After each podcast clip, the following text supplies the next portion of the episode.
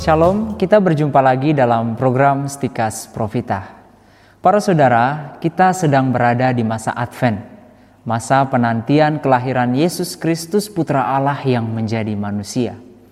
Kalau kita perhatikan dengan baik ya, warna liturgi selama masa Advent ini adalah warna ungu.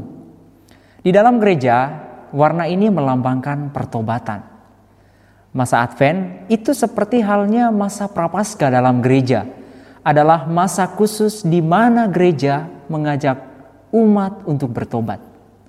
Ini tidak berarti saat-saat lain kita tidak bertobat loh ya. Bukan itu maksudnya. Setiap hari kita harus bertobat, memperbaiki cara hidup kita lebih baik lagi. Hari ini harus lebih baik dari kemarin. Besok harus lebih baik daripada hari ini dan seterusnya. Untuk mengetahui bagaimana menghayati masa Advent ini, kita mendengar suara dari dua tokoh Advent dalam kitab suci. Pertama adalah Nabi Yesaya dan juga yang kedua adalah Yohanes Pembaptis. Terutama dalam hal ini kita mencoba memahami keutamaan Yohanes Pembaptis. Yesaya banyak meramalkan kelahiran Sang Juru Selamat. Dia menubuatkan demikian. Sesungguhnya seorang perempuan muda mengandung dan akan melahirkan seorang anak laki-laki dan ia akan menamakan dia Immanuel. Itu ada dalam kitab Yesaya bab 7 ayat 14. Immanuel berarti Allah beserta kita. Allah tinggal beserta kita. Ketika sang raja damai itu datang, ada kedamaian di bumi, ada keharmonisan di antara ciptaan. Lalu tokoh yang sejaman dengan Yesus adalah Yohanes Pembaptis. Yohanes Pembaptis datang atau diutus sebagai nabi untuk mempersiapkan jalan bagi Tuhan. Ini kata-kata Injil tentang Yohanes Pembaptis. Seperti ada tertulis dalam kitab Nabi Yesaya, "Lihat, aku menyuruh utusanku mendahului engkau. Ia mempersiapkan jalan bagimu." Ada orang yang berseru-seru di padang gurun, "Persiapkanlah jalan untuk Tuhan." Bandingkan Injil Markus bab 1 ayat 2 sampai 3.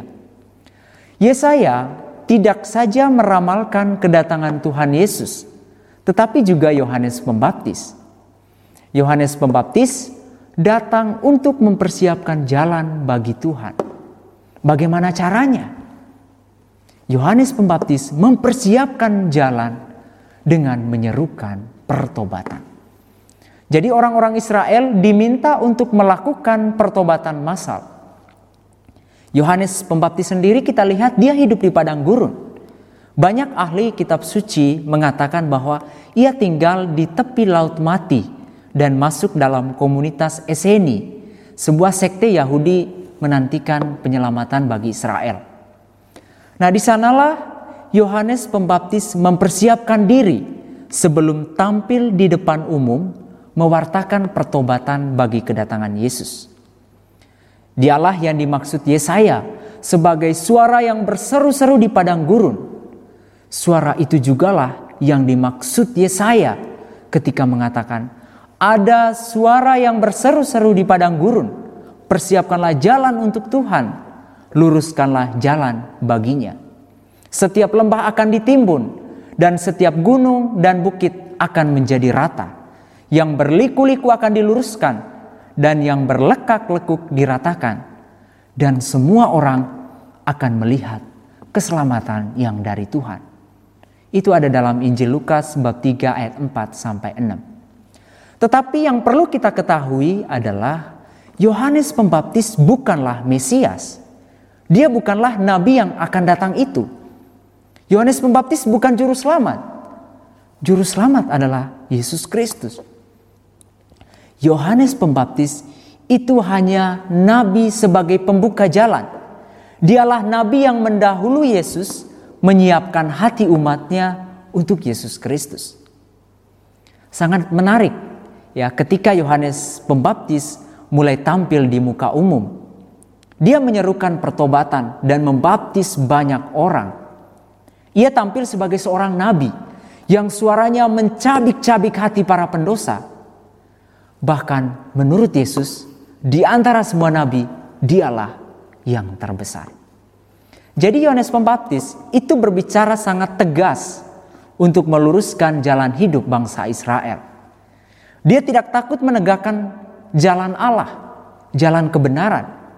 Bahkan karena ketegasan dan teguran yang keras kepada Herodes yang mengambil istri saudaranya harus dibayar mahal. Yohanes ditangkap, dia dipenjara dan dipenggal. Jadi Yohanes Pembaptis adalah martir yang mendahului semua martir Kristen. Ini semua tentu tercatat dalam Injil. Nah, khotbah pertobatan Yohanes Pembaptis itu menggugah hati para pendengarnya dan membuat hati mereka teraduk-aduk antara mengikutinya berarti selamat dan tidak mengikutinya berarti tetap dalam hidup lama, yaitu hidup dalam keadaan dosa. Tetapi pada akhirnya banyak orang yang tergugah dengan bertanya, "Apakah yang harus kami perbuat?" Jadi, kata-kata Yohanes Pembaptis ini menggerakkan orang untuk berubah, mengambil suatu jalan pertobatan. Artinya, orang bertanya, "Tindakan apakah yang kami lakukan supaya jalan hidup kami ini benar?" Supaya jalan berlekak-lekuk jadi rata, supaya jalan yang berliku-liku jadi lurus. Kepada para pendengarnya Yohanes berkata, Barang siapa mempunyai dua helai baju, hendaknya dia membagikannya dengan yang tidak punya. Dan barang siapa mempunyai makanan, hendaklah ia berbuat juga demikian. Itu ada dalam Injil Lukas bab 3 ayat 11.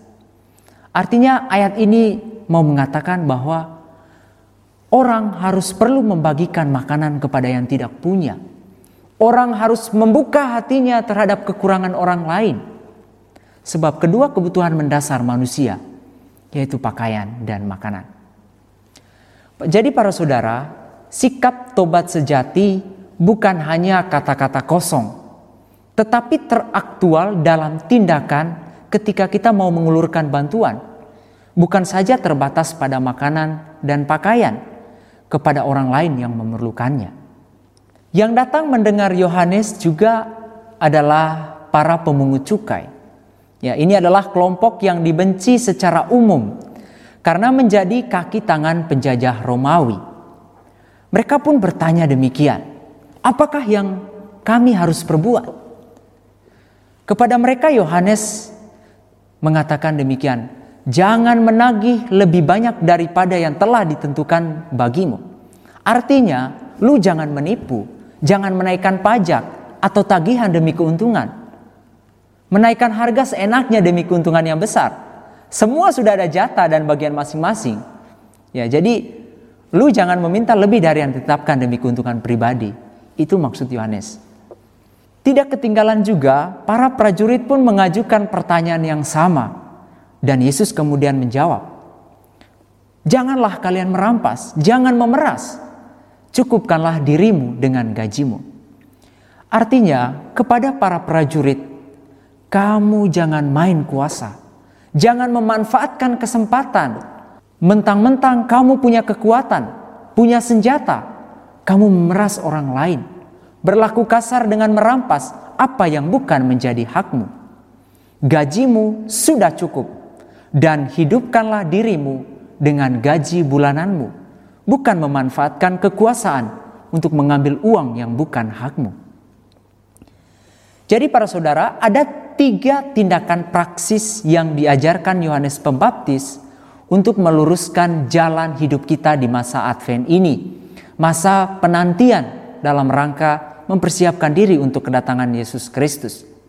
Yang pertama, orang harus membuka matanya terhadap kebutuhan orang yang berkekurangan ya terutama di masa pandemi ini. Nasihat Yohanes itu sangat aktual. Kita tahu bahwa banyak orang yang kehilangan pekerjaan dan pendapatan. Masa Advent ini harus menjadi masa kita mencintai orang lain dengan keluar dari diri sendiri, dari ego kita yang hanya memikirkan kepentingan dan kebutuhan diri sendiri, dan memberikan bantuan kepada yang membutuhkan. Ya mungkin saja bukan uang, bukan pakaian, tetapi hal-hal lain yang dapat dikatakan sebagai bentuk uluran tangan kepada orang yang membutuhkan. Masa Advent adalah masa melawan egoisme, keterpusatan pada diri kita sendiri. Yang kedua, hiduplah dalam kejujuran. Kejujuran dalam arti apa? Dalam segalanya, tetapi secara khusus di dalam hal uang. Ya, jangan menagih lebih dari apa yang ditetapkan. Jangan mengambil apa yang bukan menjadi hakmu. Ketiga, jangan main kuasa dengan memeras dan merampas hak orang lain. Banyak orang menggunakan kuasanya untuk merampas dan memeras orang. Lalu yang terakhir yang dapat dikatakan sebagai mahkota dari semua hal di atas yaitu hidup dalam kesederhanaan yang diungkapkan dengan cukupkanlah dirimu dengan gajimu. Ini adalah keutamaan tingkat tinggi dan penyakit modern yang sedang menjangkiti kita semua adalah orang tidak mau hidup dalam kesederhanaan. Ya, kesederhanaan bukan menolak harta benda. Ya, tetapi suatu sikap bagaimana memanfaatkan harta benda bukan saja untuk diri kita sendiri, tetapi juga untuk orang lain. Kesederhanaan itu mencakup ketiga hal di atas, ya kita peduli dengan orang lain, hidup dalam kejujuran dan menggunakan kekuasaan dengan baik. Kalau dalam bahasa negatif, kesederhanaan itu berarti tidak egois, tidak menipu, dan tidak menggunakan kekuasaan untuk memeras dan merampas. Semuanya berakar dalam hati manusia dan pertobatan berarti memperbaharui hati dan budi dan itulah yang diajak Yohanes Pembaptis untuk meluruskan jalan hidup untuk kedatangan Sang Juru Selamat. Inilah hal yang dapat kita lakukan dalam penghayatan masa penantian bersama dengan Yohanes Pembaptis. Semoga saudara mencintai dan mengenal kebenaran sehingga akhirnya diselamatkan. Salam Profita.